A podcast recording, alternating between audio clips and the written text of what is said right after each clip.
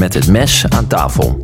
De chirurgische podcast waar we een blik achter de schermen werpen bij de top van ons vakgebied. Welkom bij Met het Mes aan tafel, de chirurgische podcast met Tony Ruijs, Lars Brouwers en Victor Alberts.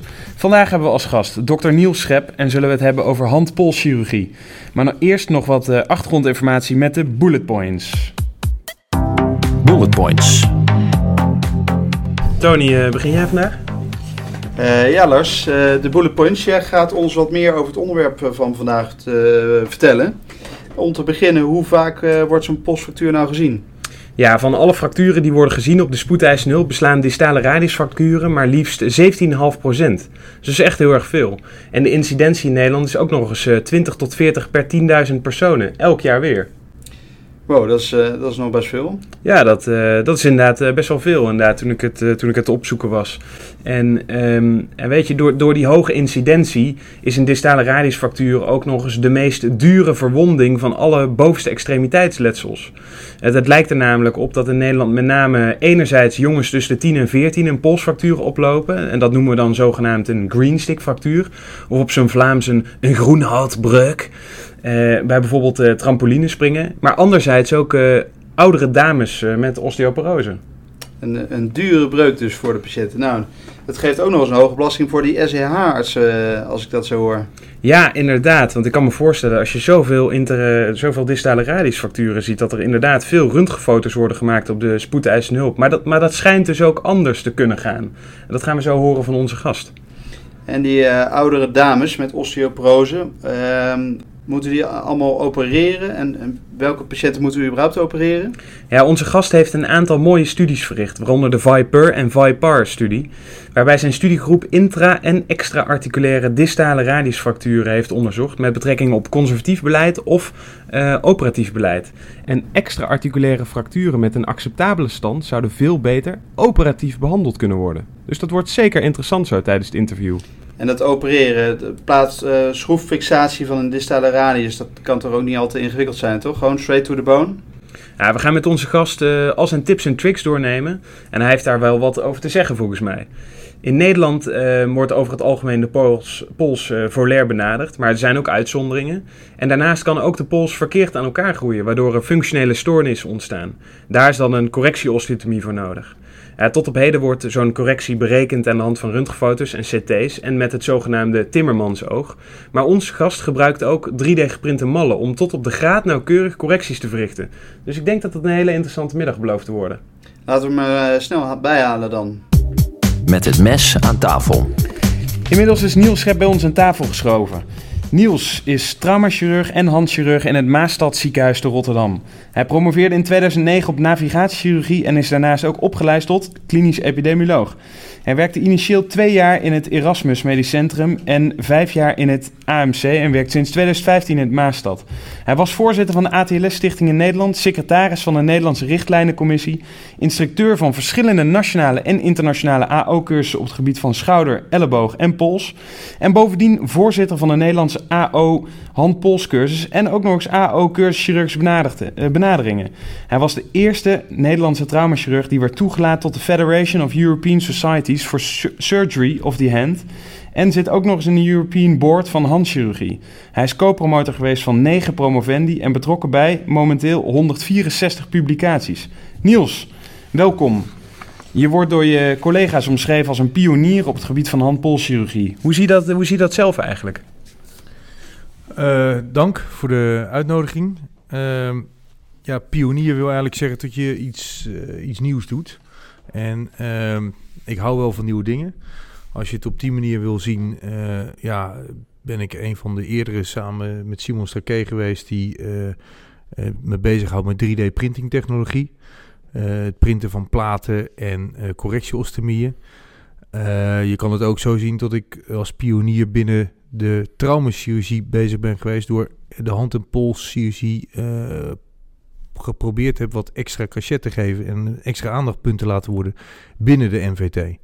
Daar zijn we nog steeds mee bezig. We zijn bezig met een aparte aantekening. Hè, dus bovenop je uh, certificering als traumachirurg een aantekening hand en pols. Dit omdat ik denk dat de hand- en polschirurgie ja, een heel groot gebied is wat, uh, wat speciale aandacht behoeft. En iets meer educatie en ervaring behoeft dan de algemene traumachirurgie. Daar gaan we denk ik ook nog uh, verderop nog wel op terugkomen. Um, kan je nog wat vertellen over waar je bent opgegroeid en waar je bent opgeleid uiteindelijk? Ja, na een aantal omzwervingen ben ik toch eigenlijk weer teruggekomen in Rotterdam-Zuid. Dat is ook datgene waar ik ben opgegroeid. Geboren en getogen? Ja, en ehm, uiteindelijk ben ik in 1991 naar Utrecht getogen. Heb ik daar gestudeerd en nog een tijdje blijven hangen. Wat extra curriculaire activiteiten gehad daar, dus dat duurde een beetje. Mm -hmm. En toen ben ik begonnen in ja, eind 98 denk ik als artsassistent in het Dijkse ziekenhuis, nu het Erasmus ziekenhuis. Uh, twee jaar achtnio geweest, uh, toen meegesolliciteerd, niet geworden.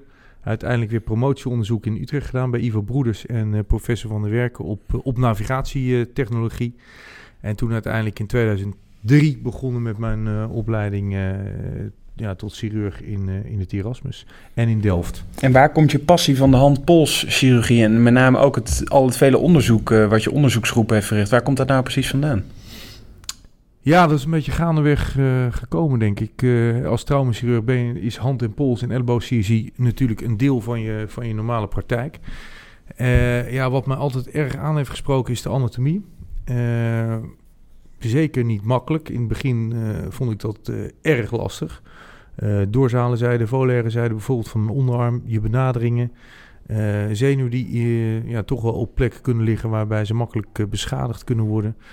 En met name de beweging. Hè. Ik zeg altijd, zonder handfunctie of polsfunctie ben je echt onthand. Mm -hmm. Ja, zeker. Ehm, dus ja, dat, dat heeft mijn passie wel, wel vergroot. En, en daarbij de elleboog.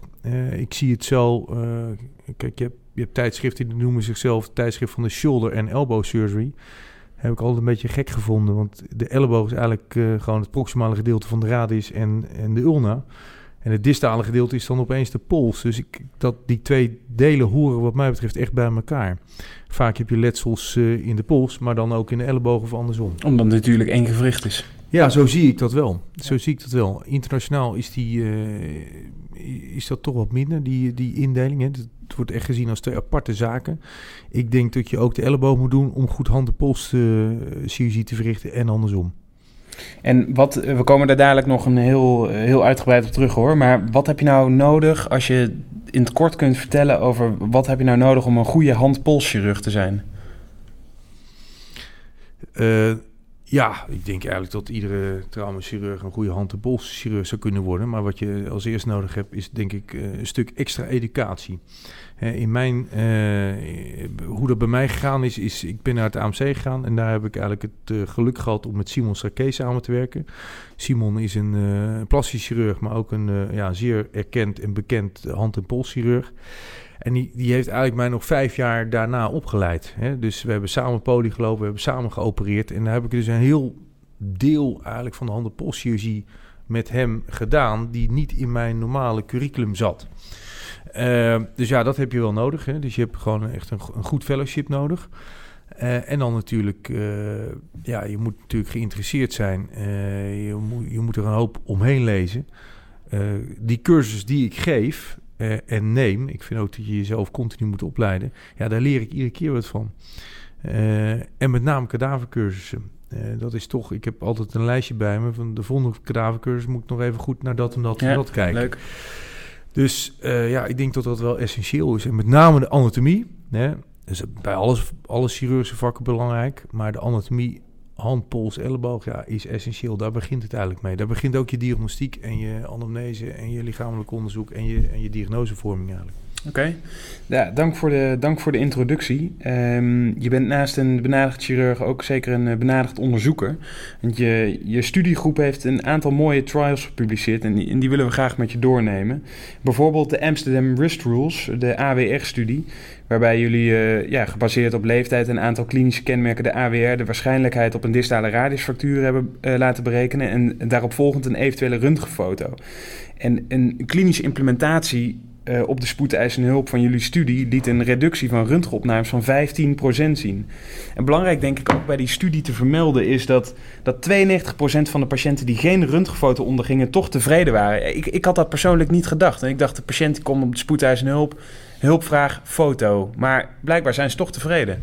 Ja, heel grappig hè. Dat vonden wij ook. Wij dachten van eh, mensen komen om een foto. En eh, ook al is die foto negatief, dan is het maar uitgesloten. Maar het blijkt dus, als je je goed uitleg geeft, dan moet ik wel zeggen, al deze patiënten zijn nog eens een keer nagebeld. Hè, om te vragen of ze klachten hadden. En als ze heel veel klachten hadden, lieten we ze terugkomen. Nou, dat waren maar enkele patiënten. Uh, maar hieruit blijkt dus, als je patiënten goed uitleg geeft, dat je dit soort studies kan doen. Hè, dat je naar een beslisregel gaat. Het probleem is natuurlijk wel wat we met die studie tegenkwamen, is dat de dagelijkse praktijk natuurlijk wel vaak is dat de triageverpleegkundige alvast een foto aanvraagt. En dit werd toen door dokters gedaan. Dus we hebben die studie nog eens een keer overgedaan met triageverpleegkundigen. Kwamen ongeveer, dezelfde, uh, dezelfde cijfers uit, dezelfde bevindingen. Alleen, uh, ja, men vindt het toch nog eng om een patiënt met een trauma van de pols met een, uh, met een beslisregel die zegt: maak maar geen foto, om daar geen foto van te maken. En hoe gaat het dan nu in jouw ziekenhuis? Hè? Je hebt die studie gedaan. En ja. Geen uh, foto? Nou, we hebben dat een, een, een, een, periode gedaan. Alleen waar we nu tegenaan lopen, en dat is op zich wel jammer. We hadden een hele mooie AWR-app. Alleen dat blijkt nu opeens volgens de nieuwe richtlijnen een medisch hulpmiddel te zijn. En, en voor uh, duidelijkheid, welke richtlijn hebben we het dan over? Nou, Europese richtlijnen. Dat een, een app die een beslisregel is, is dus een, een medisch hulpmiddel. Daar gelden opeens allerlei wetgevingen voor en verantwoordelijkheden. Ja, en dat heeft ons toch een beetje uh, angst aangejaagd. Dus de app ja. hebben, we, uh, hebben we eigenlijk offline gehaald. Zonde ja. zeg. Ja, ja. Want hoe, hoe, hoe, zie je dat dan? Zie je dat nog voor je dat dat weer online kan komen en dat dat daarmee in, in de rest van Nederland geïmplementeerd kan worden? Nou, ik heb, ik heb natuurlijk geen kristallenbol. Alleen, kijk, wij zullen toch iets moeten met onze beperkte capaciteit. En, en, en, en, en een grote patiëntentoestroom. Ja, en dit zijn allemaal dingen die helpen daarbij. Hè. Wat, wat er wel uitkwam, is dat mensen dus veel korter op de spoedeisende hulp verbleven. Ja, alles, alles helpt. Kijk, dit, dit zal niet het grote probleem oplossen, maar alle kleine beetjes helpen, denk ik. En ook alle kostenreducties helpen een beetje. Maar heeft de zorgverzekeraar ook toevallig de, jouw stukken gelezen? Want die, die gaat, uh, als die dit leest, dan gaat hij zeggen: het mag, het mag uh, uiteindelijk niet anders meer. Uh, ja, dat durf ik niet te zeggen, Tony.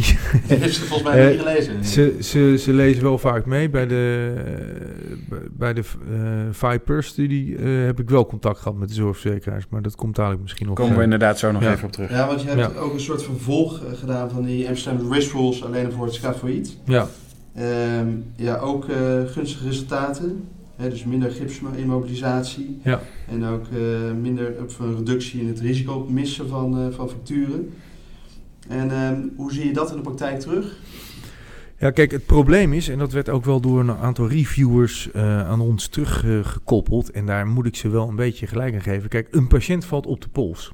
Hè, en uh, dat is dan ofwel een scaphoïdfractuur, ofwel een distale radiusfractuur, of beide. Hè, of een metacarpaalfractuur daarbij. En wij hebben natuurlijk specifiek gekeken naar een distale radiusfractuur of specifiek naar een scaphoïdfractuur. Dus het begint al bij een eerste screening, waar denk ik aan. En de reviewer zei, ja, maak nou een regel waar alles uitkomt. Nou, dat is uh, erg lastig gebleken, moet ik eerlijk zeggen, omdat uh, niet nauwkeurig genoeg. Dus uh, mocht je echt specifiek denken aan, aan een scaphoïdfractuur, en dan zou je dit soort regels uh, toe kunnen passen. Alleen nogmaals, ja, de eerdere problemen met implementatie heb ik al uh, geschetst. Dat zijn toch wel uh, ja, moeilijke vraagstukken die ik niet 1, 2, 3 kan oplossen. Maar ja. het laat wel zien, hè, er is altijd een discussie geweest. We kennen natuurlijk allemaal de OTWA Ankle Rules en de Knee Rules. Mm-hmm. Hè, en die, die, ja, die werden toch best wel op grote schaal toegepast. En er is altijd gezegd van op een, op een distale radius of een scafoïd kan je zoiets niet maken. Nou, we hebben wel laten zien dat zoiets wel mogelijk is. Maar je kan dus niet die Amsterdam Rush Rules, twee vraagjes extra en dan heb je meteen ook de scafoïd meegenomen. Dat, dat lukt niet. Uh, dat hebben we niet op die manier onderzocht, dus dat durf ik niet... Uh... dat zou het mooiste zijn. Ja, dat, dat zou het mooiste zijn. Ik kan me inderdaad wel voorstellen dat dat erg moeilijk is als je en een distale radiusfractuur wil uitsluiten en een scafoïdfractuur wil uitsluiten, wat in hetzelfde gebied ongeveer ligt. Ja, je, Met, je, je ehm, niet een paar vragen extra, zou je ja. zeggen, maar dat is... eh, Ja, het is, het, het, het is toch eh, lastig. Ja, kijk, het aardige is voor die... Kijk, wat, wat natuurlijk eh, gemeengoed in Nederland is... We denken aan een scafietfractuur. We zien niks op de foto, maar we geven iemand toch maar voor de Ja. zekerheid gips. Hè? En die worden gewoon twee weken geïmmobiliseerd. Ja, dat kost heel veel geld. Hè, dat kost eh, arbeidskracht van gipsmeesters. Dat kost wat materiaal. Met met name verlies aan arbeidsproductiviteit. En ja, eh, in deze studie hadden we al 15% minder gipsimmobilisaties. Ja, als je, als je daar een kosteffectiviteitsanalyse op laat, loslaat, zal dat ongetwijfeld kosteffectief zijn. Ja, ben je heel snel. Hè? Ja.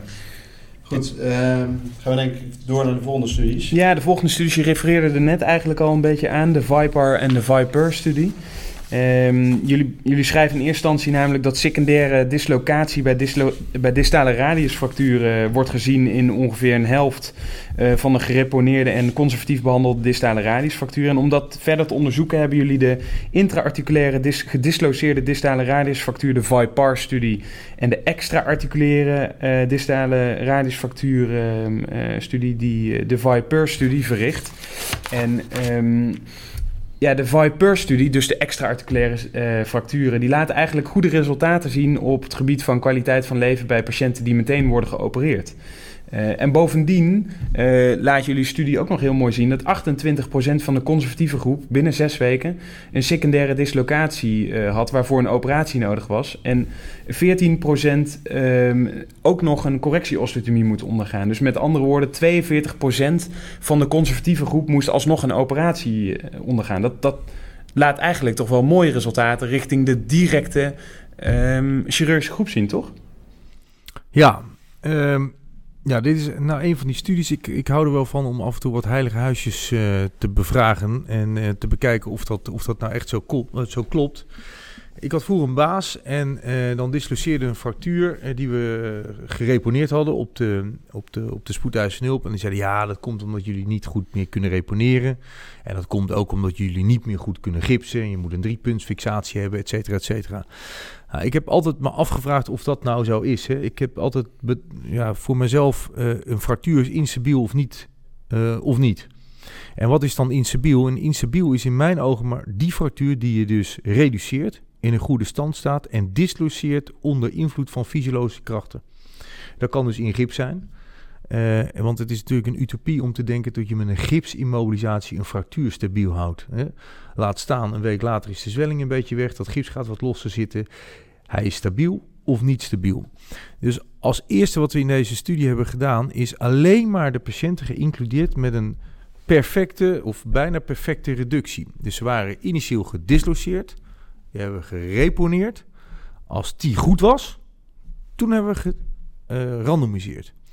Dus alleen de goed gereponeerde. Hè, dus onder het mom van, eh, dan, eh, dan zijn we zeg maar... eh, Argument van je baas het, het argument was weg van je kan niet meer reponeren. Nou, en dan, dan krijg je dus dit soort resultaten na één jaar. Eh, ja, die zijn in mijn ogen wel indrukwekkend. hè. Ja, zeker. Eh, dit zijn dus gewoon de fracturen die wij eigenlijk in Nederland plegen eh, conservatief dus uit te behandelen met een, met een gips. Maar wat je dus vaak ziet, en dat zie je hier ook, die fractuur is inherent instabiel. Dus die begint langzamerhand te kantelen en vaak naar dorsaal. Dan wordt er een week of twee weken later een controlefoto gemaakt en dan is het nog net acceptabel en, en dan vaak niet. Hè, en dan niet meer. En dan na zes weken maken we een foto en denken, hmm, hij staat nu niet helemaal goed. Maar ach, eh, we kijken wel, eh, want nu is die toch vastgegroeid. Nou, en ja, deze studie laat eigenlijk eh, in mijn ogen een duidelijk voordeel van, van operatieve behandeling zien. En hoe kijken jullie dan aan tegen, hè? want je hebt het zelf al over een, een, een foto maken na een week en na twee weken. Er zijn natuurlijk ook groepen die zeggen, nou we, we wachten even af, we maken foto na een week. Na een week zie je dan dat die iets afglijdt, maar nog steeds acceptabel ongeveer is. Maar je ziet al dat hij iets inzakt. Na twee weken maken ze dan nog een keer een foto, omdat ze hem toch nog een keer willen zien. En dan na twee weken zie je van ja, hm, Ja. hij is toch eigenlijk niet goed. Nee. Dan beslissen ook nog wel een aantal groepen om dan alsnog te opereren. Hoe kijk jij daar Ja. tegenaan? Want na Ja. twee weken zit het toch ook alweer een stuk vast. Ja, eh, Maakt de kijk, ook niet meest Nee, gemakkelijk. een beetje een oud adagium is van ja, dan is het bot maximaal in de, in de, in de, in de reorganisatiefase. Dan is het bot een beetje zacht. Dat is een slecht moment om een correctieostomie te doen. Hè. Dat wordt vaak gebruikt.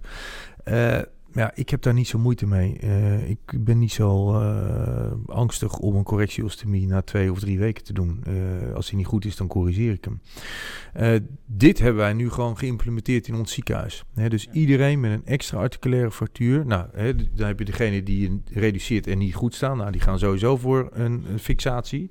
Maar dus ook de mensen die we reponeren en goed staan, die gaan, worden gewoon uh, gepland voor operatie. De volgende vraag die we nu gaan behandelen, daar zijn we mee bezig met die studie, is moet je überhaupt wel reponeren als je beslist uh, toch wel te opereren? Hm, en ook interessant vraagstuk. En als je het aan mij vraagt, uh, is reponeren ook onzin? Maar dan moeten dus alle polsfracturen ook extra uitkleren geopereerd worden. Begrijp ik dat dan goed? Ja, behalve als hij niet gedissocieerd is. Want als een groep, dat hebben we ook uitgezocht, als hij niet gedissocieerd is, dan kan je toe met vier weken onderarmsgips. En die doen het eigenlijk prima. Maar die disloceren ook vaak niet. Hè, want die zijn kapot. Die staan anatomisch. Die blijven ook wel staan. Maar het gaat nu om die initieel gedisloceerden. Die zijn eigenlijk bijna allemaal inherent instabiel. Die disloceren gewoon op een gegeven moment. En zou je ook niet reponeren al op de spoedeisende voor pijnreductie? Nou ja, dat moet dus uit die studie komen. Uh, alleen als je het nou over pijn hebt. Uh, het, het, het eerste wat die patiënten doen als ik ze een week later na reductie op, de, op mijn gipskamer zie, die, die, die duiken in elkaar en die zijn doodsbang tot ik het weer ga doen. Dus uh, ik, ik denk eigenlijk dat je ze onnodig pijn doet. En ik denk eerlijk gezegd dat de kans op complex regerend pijnsyndroom uh, vergroot. Alleen nogmaals, dat is een hypothese, dat zou ik moeten bewijzen. Uh, er is ook een argument dat men zegt, je moet eerst reponeren en dan een CT maken bijvoorbeeld, hebben intraarticulaire fractuur en dan kan je, dan kan je het beter uh, beoordelen. dat geloof ik niet zo. ook al is hij gedissocieerd en je maakt een CT, dan kan je prima beoordelen hoe je die fractuur benadert. dat is voor mij niet zo'n hard argument.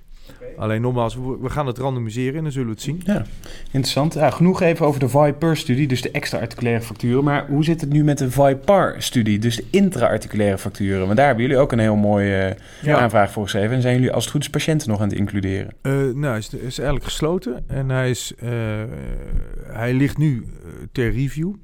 En daar hebben we ook een kosteffectiviteitsanalyse op losgelaten. Hetzelfde als uh, bij de extra-articulaire. Daar, daaruit bleek overigens dat opereren kosteffectief is. En uh, ja, de Viper, het enige wat ik ervan kan zeggen, vergelijkbare resultaten. In de leeftijdsgroep, dat moet ik er wel even bij zetten, van 18 tot en met 75. Hè? Dus 75-plussers hebben we niet geïncludeerd in deze studies. En um, jullie hebben vervolgens ook nog een studie verricht. Volgens mij uh, refereerde je daarnet ook al naar dat als je een patiënt initieel opereert, zou je zeggen hè, van oké, ja, dat is een duurdere behandeling dan een gipsbehandeling. Maar omdat je uiteindelijk die gips, patiënten met gips uiteindelijk ook nog opereert of een langere follow-up nodig hebt, um, is dat uiteindelijk een duurdere groep. Ja, dus kosten in de operatieve groep zitten met name in het begin. Hè? En dat is natuurlijk een beetje wat de krom is in Nederland in mijn ogen. Hè, die kosten zitten bij de zorgverzekeraar. Maar als je naar de BV Nederland kijkt, hè, eh, de kosten zeg maar, uh, die je maakt doordat mensen niet kunnen werken of hulp moeten inhuren, en et cetera, et cetera, die liggen in principe niet vaak uh, bij die zorgverzekeraar zelf. Er zijn ook landen, daar is één loket.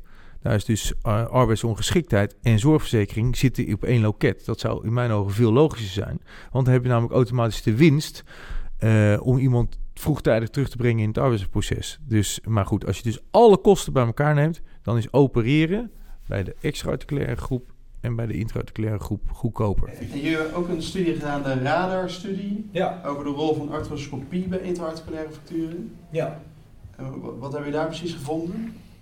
Uh, nou, Tommy Lindau heeft deze studie, uh, geloof uit mijn hoofd, 15 tot 20 jaar geleden een keer uitgevoerd. En die heeft bij alle patiënten bij wie hij een plaatfixatie uitvoerde, een scope erin gestopt om te kijken, joh, wat is er eigenlijk aan de hand in die pols. Nou, daaruit kwam uh, dat het merendeel van die polsen een ligamentair letsel had. Dus ofwel een TFCC-letsel, of een LT-letsel, of een SL-letsel. En die studie is eigenlijk nooit uh, goed herhaald. Uh, dus we hebben eigenlijk die studie herhaald. Nou, we kwamen eigenlijk op vergelijkbare aantallen. Uh, zo, zo erg dat je eigenlijk kan stellen... er is geen enkele polsfractuur zonder een additioneel ligamentair letsel. In mijn ogen hebben ze dat allemaal. Nou, aan de ene kant is dat misschien een beetje angstaanjagend. Aan de andere kant geruststellend, want het merendeel geneest Dat gaat wel goed, ja. Ja, dat is ook altijd wat ik zeg. ik ben door de jaren heen veel minder agressief geworden. Er zijn periodes geweest dat ik TFCC-letsels, instabiele distal radionaire gewrichten en NSL-dissociaties direct repareerde ten tijde van mijn distale radiusfractuur, daar ben ik veel terughoudender mee geworden. Want nogmaals, het merendeel geneest. Dus wat we in deze studie hebben bekeken, van hoeveel letsels komen ervoor? Nou, dat was vergelijkbaar bij Lindau. En wat, we, wat wij dachten, was wanneer we het gewricht nu uitspoelen, dus het hematoom uit het gewricht spoelen en het debris, want vaak zie je wel wat losse vlees, wat losse kraakbeen, er ook uitspoelen tot mensen minder pijn zouden hebben en het beter zouden doen. Nou, ze hebben in het begin iets minder pijn, dat klopt.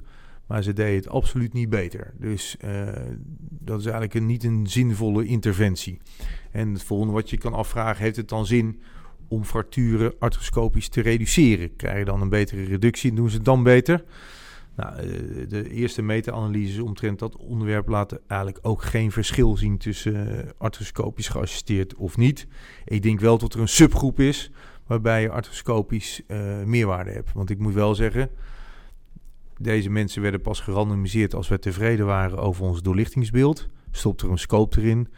Nou, daar werd je af en toe wel nederig van. Hè? Want je denkt, ik heb het fantastisch gedaan. Je stopt er een scope in. Ja, je denkt, goh, heb ik dit nou over het hoofd gezien? Je ziet het niet op de röntgenfoto. Met name een centrale impressie zie je gewoon niet. Maar nogmaals, het gaat dus heel, heel vaak goed. Dus, uh... Ja, de natuur is mild. Uh, natuur is onze vriend, maar dat is... Uh... dat hebben we dan met name geleerd, hoor. Dat hebben we met name geleerd, ja. Ja, want als we dan die laatste twee vragen eigenlijk combineren... de natuur is mild en um, je had het over de Viper en Vipar-studie... die van 18 tot 75 waren, ja. als ik me niet vergis.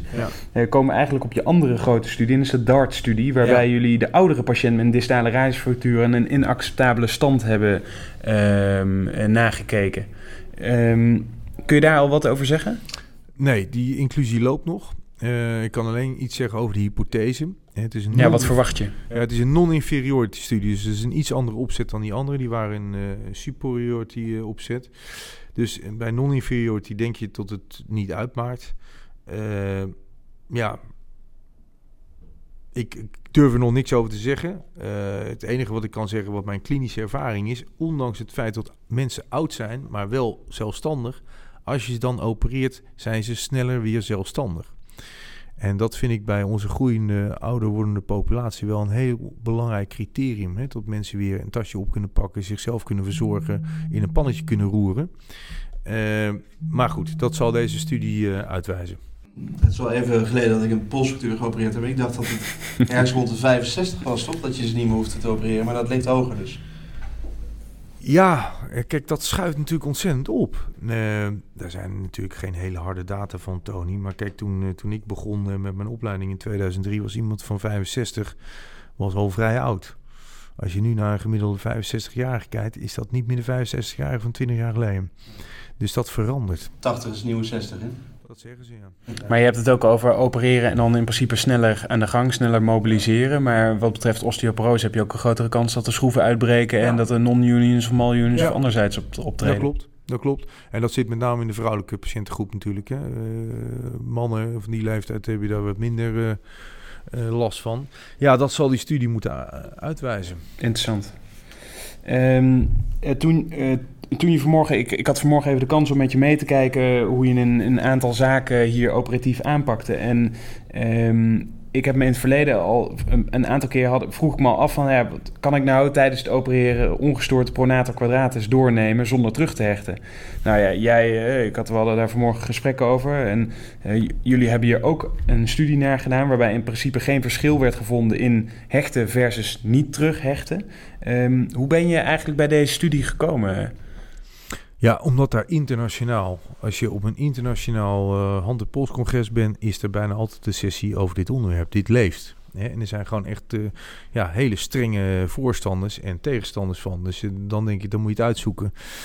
Uh, als je, soms heb je wel eens een, niet-operatief behandelde polsfractuur die gewoon in het gips heeft gezeten en op zich een goede heling heeft. laten we uitgaan, hij is anatomisch geheeld. Maar dan hebben ze een supinatiebeperking. Dat zie je nog wel eens. Nou, hoe komt dat? Dat noem ik eigenlijk het compartimentsyndroom van de pronate quadratus. Als je die dan opereert, dan zie je vaak dat de pronate quadratus geen mooie spier meer is, maar eigenlijk een soort fibrotische plak. Een frommeltje. En als je die loshaalt van de ulna, kunnen ze opeens wel weer uh, supineren.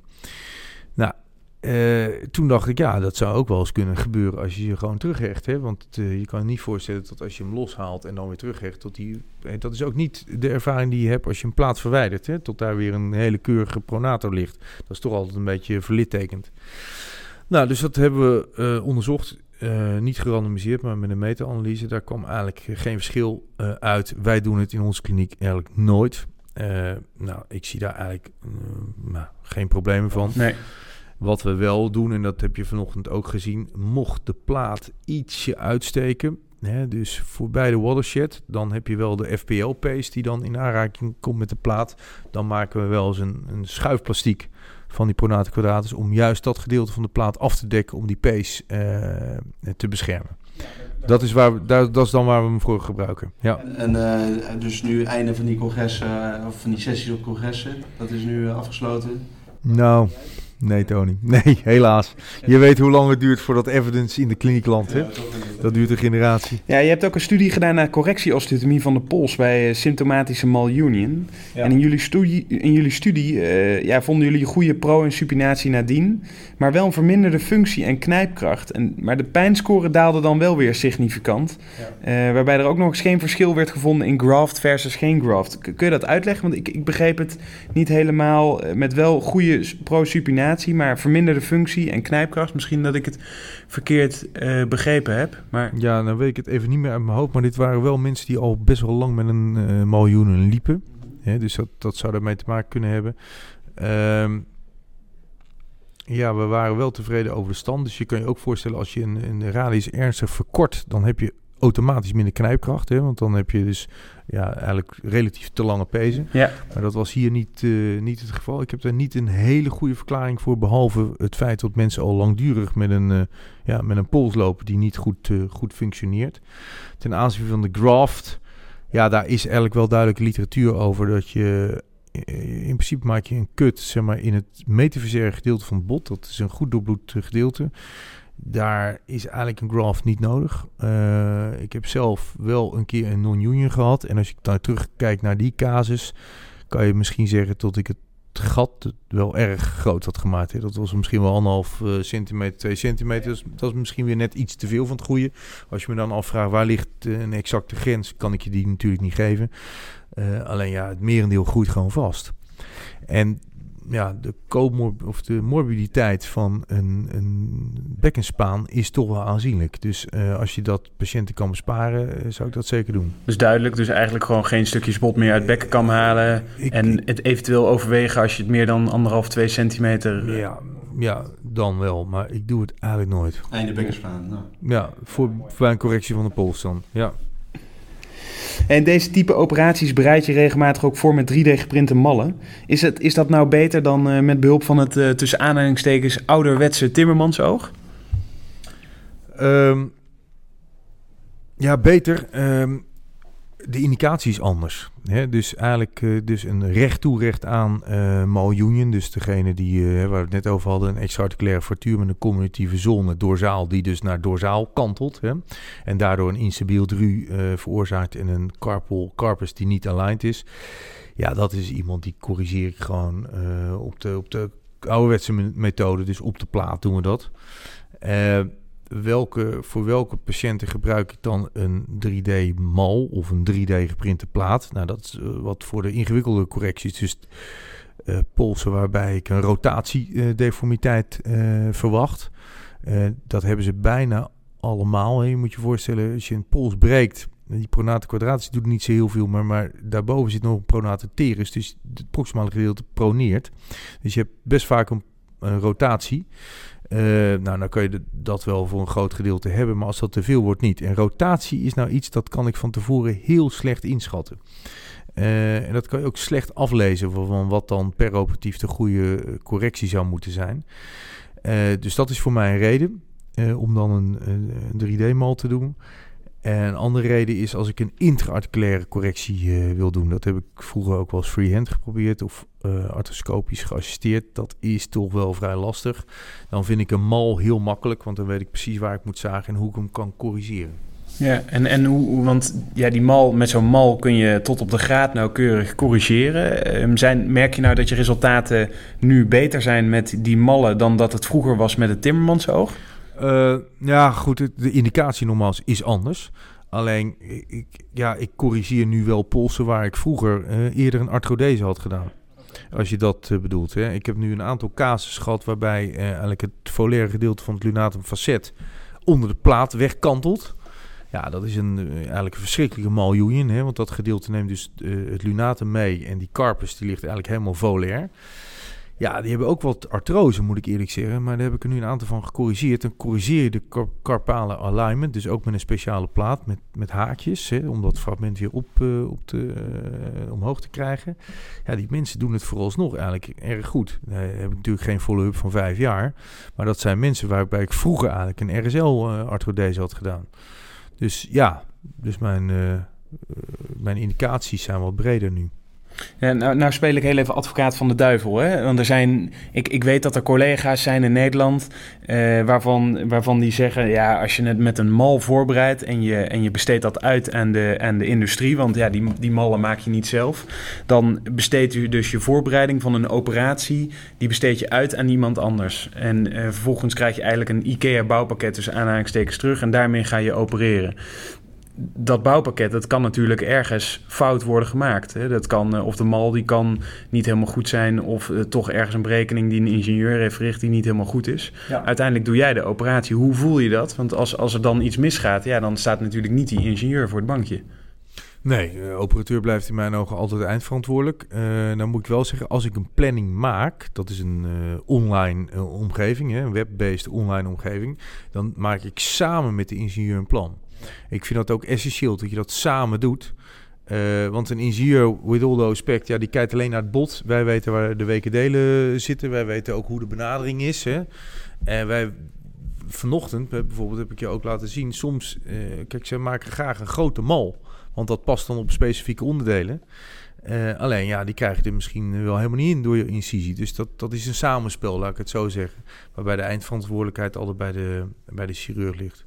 Ja, heb mooi. Heb je het wel meegemaakt dan, dat, er, uh, dat het ineens niet past? Ja. ja. in het begin heb ik dat wel meegemaakt. Dan heb ik dus stukjes van de mal af moeten knabbelen om uh, pas te krijgen. Alleen dan verlies je natuurlijk weer wat nauwkeurigheid met je mal. Dus dat heb ik in, we hebben allerlei leergeld betaald in het begin. Ja, dat kan je wel zeggen. En, en je, de, de laatste vraag over die 3D-workflow. Zou, zou je het niet liever in huis halen?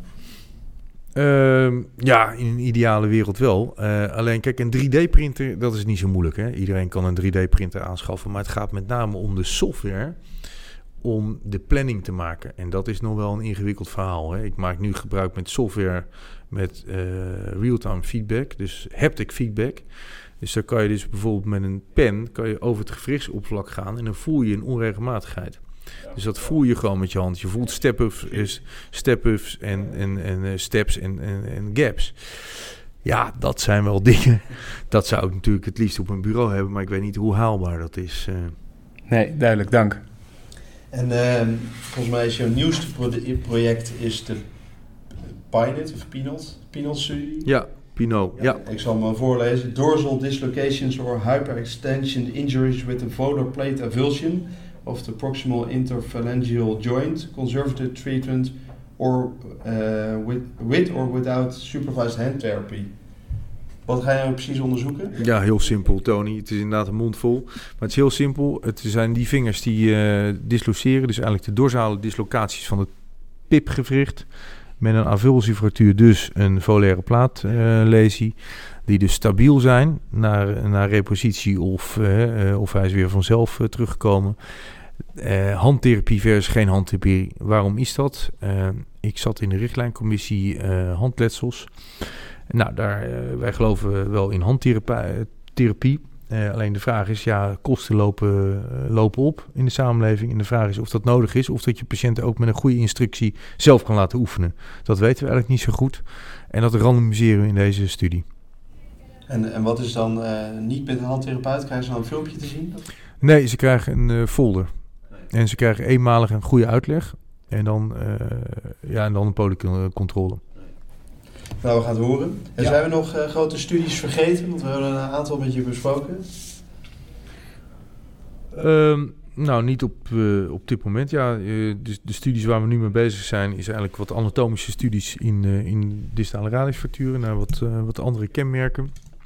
En reponeren versus niet reponeren. En als je het allemaal samenvat, wat altijd een, ehm, nou, wat dan ook vooral altijd een punt is, is dat in veel van die studies het eindresultaat na een jaar is. En denk je dat het in general ook nog wel eens verandert na dat jaar?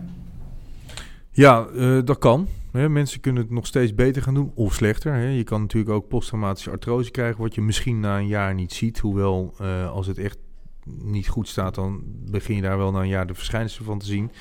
Het enige wat je zou kunnen zeggen is bijvoorbeeld uh, plate removal, hè? dus het verwijderen van de plaat.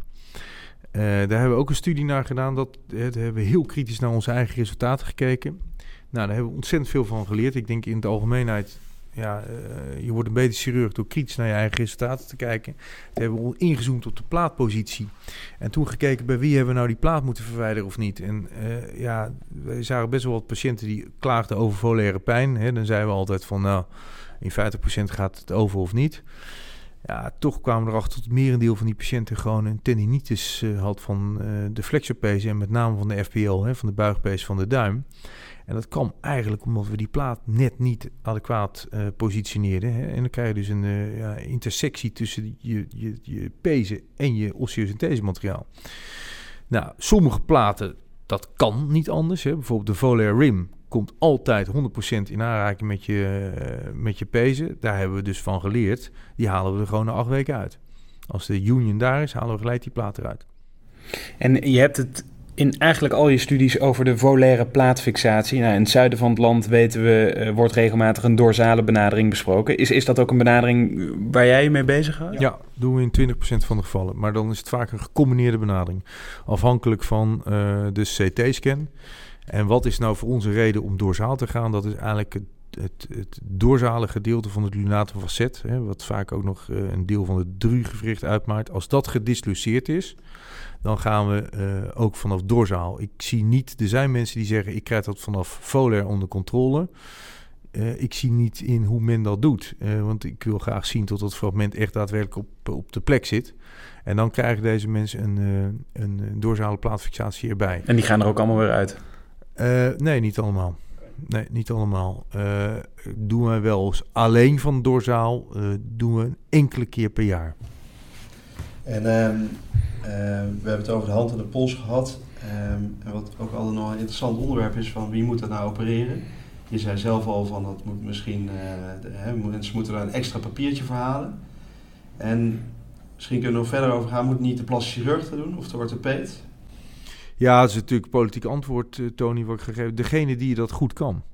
En ik denk dat er uitstekende orthopeden en plastisch chirurgen in Nederland zijn die dat uitstekend kunnen. Uh, zoals daar ook uitstekende traumachirurgen in Nederland uh, rondlopen die daar go goede behandeling kunnen uitvoeren. Wat ik wel denk is dat deze drie bloedgroepen eigenlijk dichter naar elkaar zouden moeten groeien in de hand en pols. dat doen wij in de Nederlandse Vereniging van Handchirurgie. Daar zijn deze drie bloedgroepen eigenlijk goed vertegenwoordigd. Het is een ontzettend enthousiaste club mensen die daar echt naar het vak kijken. En de grap is, hè, er, zijn, er zijn natuurlijk altijd soms wat financiële argumenten, et cetera, et cetera. Mijn ervaring is wel, als je teruggaat naar de basis, dus naar het vak zelf, dan vind je elkaar ook wel weer.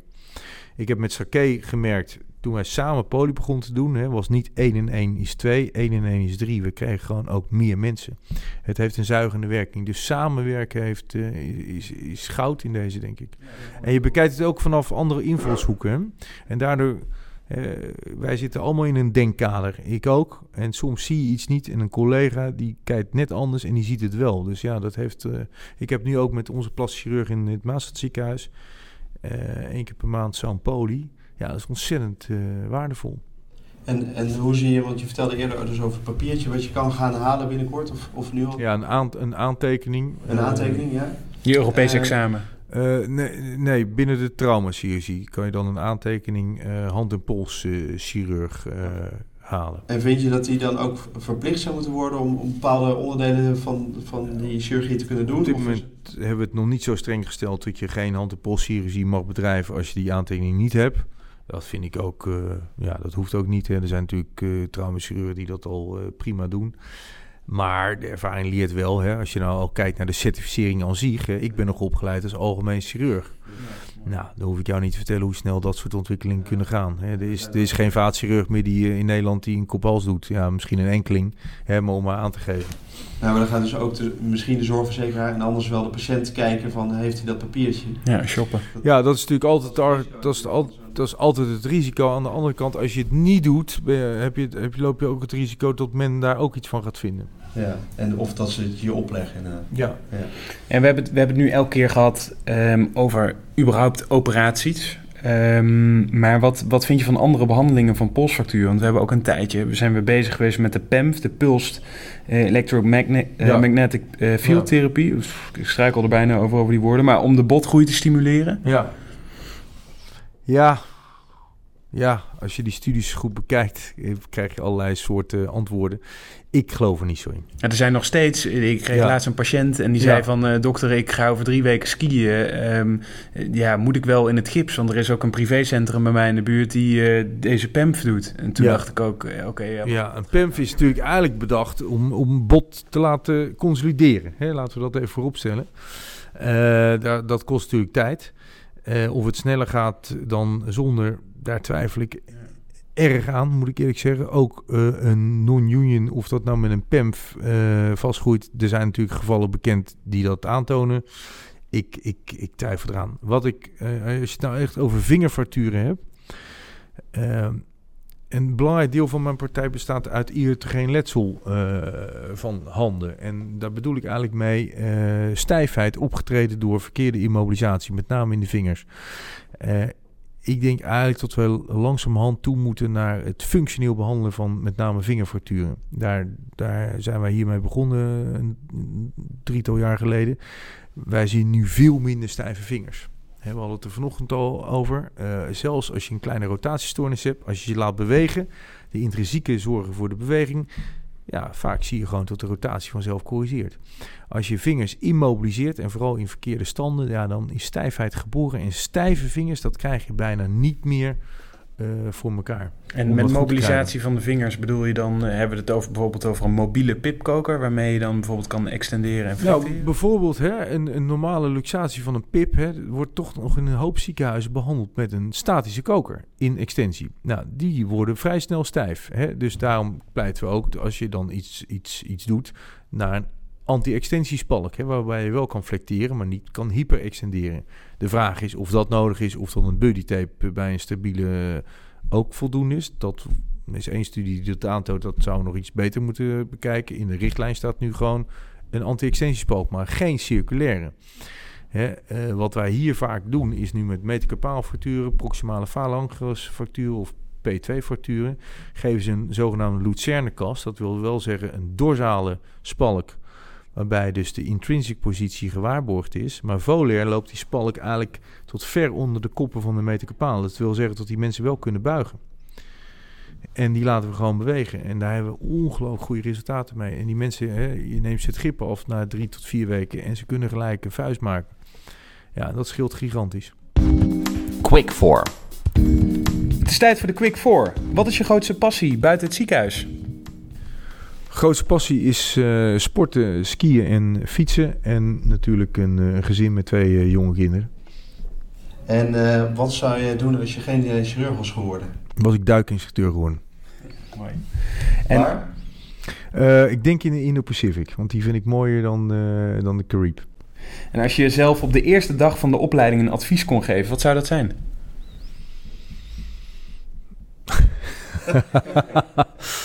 Uh, eerste dag van de opleiding, wat zal dat zijn? Uh, uh, focus, echt focus. Vanaf begin af aan gaan focussen. Op een bepaald deelgebied op of gewoon bepaald deelgebied, hoewel ik wel geloof in een bepaalde algemene vooropleiding, hoor, begrijp me niet verkeerd. Maar wel al een stip op je horizon zetten waar je naartoe werkt.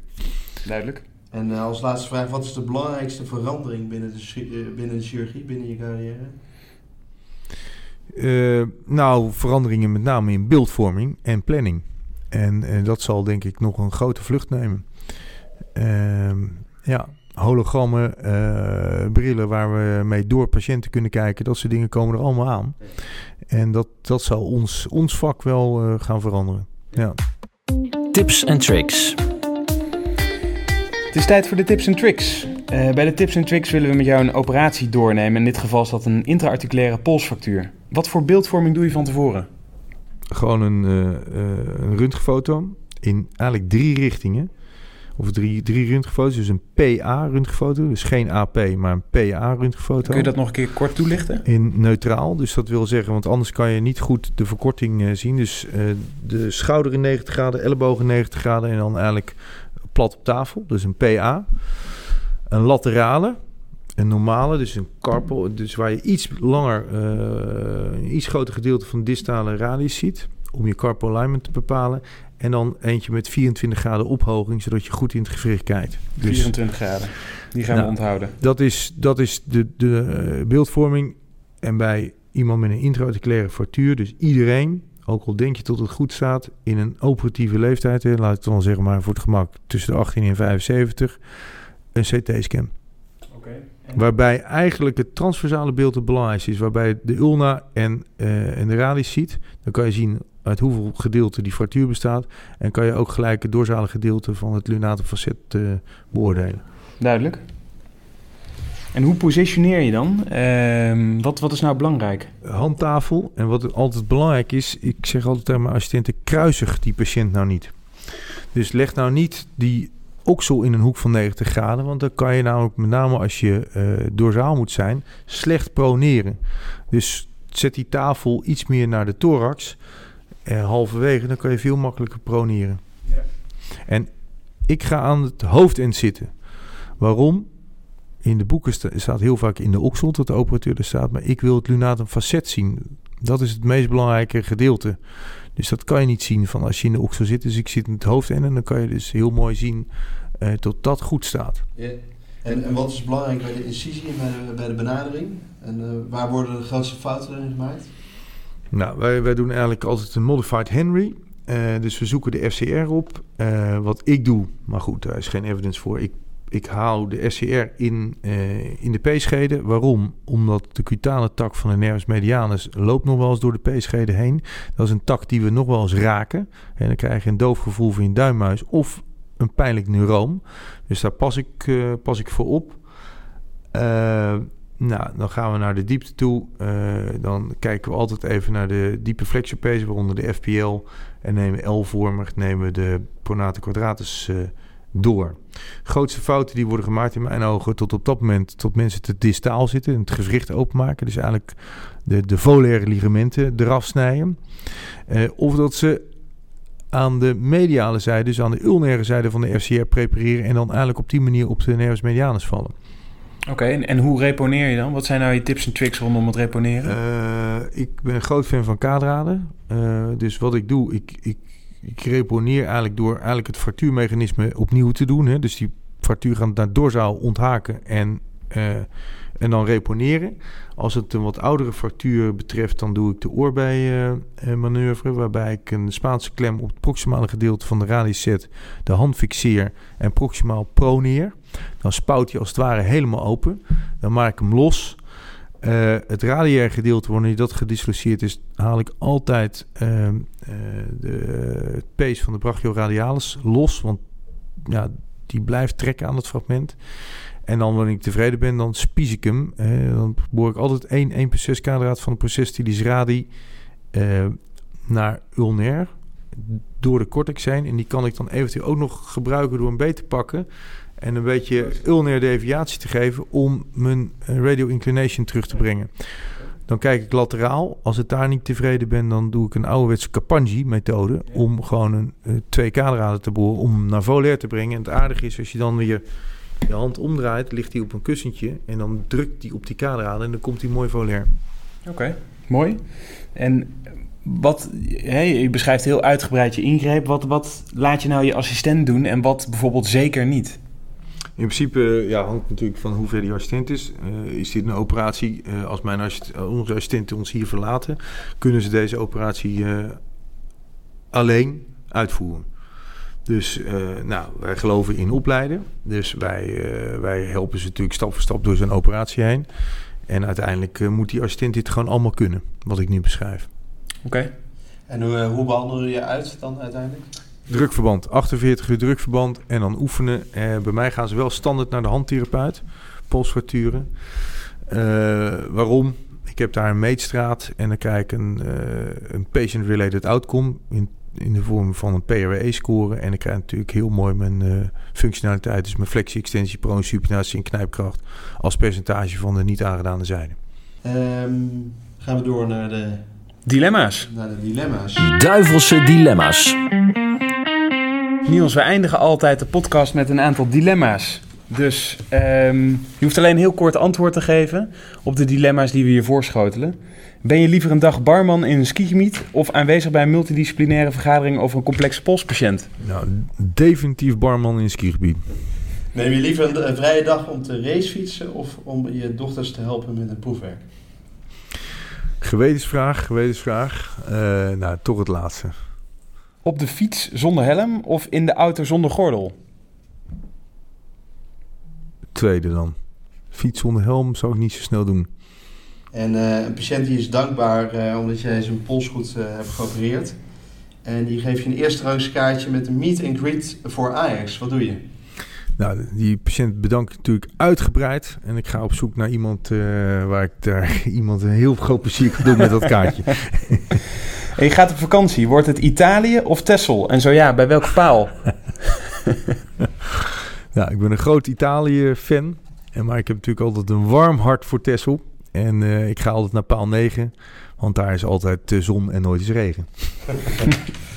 Goed. Uh, um, als laatste nog, um, wat moeten de luisteraars zeker van deze podcast onthouden? Dus heb je nog een, een laatste toegift? Nou, wat ik al eerder zei, kijk, level 1 evidence doet er best wel lang over om tot in de dagelijkse praktijk door te dringen. En uh, dus ik zou uh, toch uh, iedereen aandacht willen vragen voor onze studies.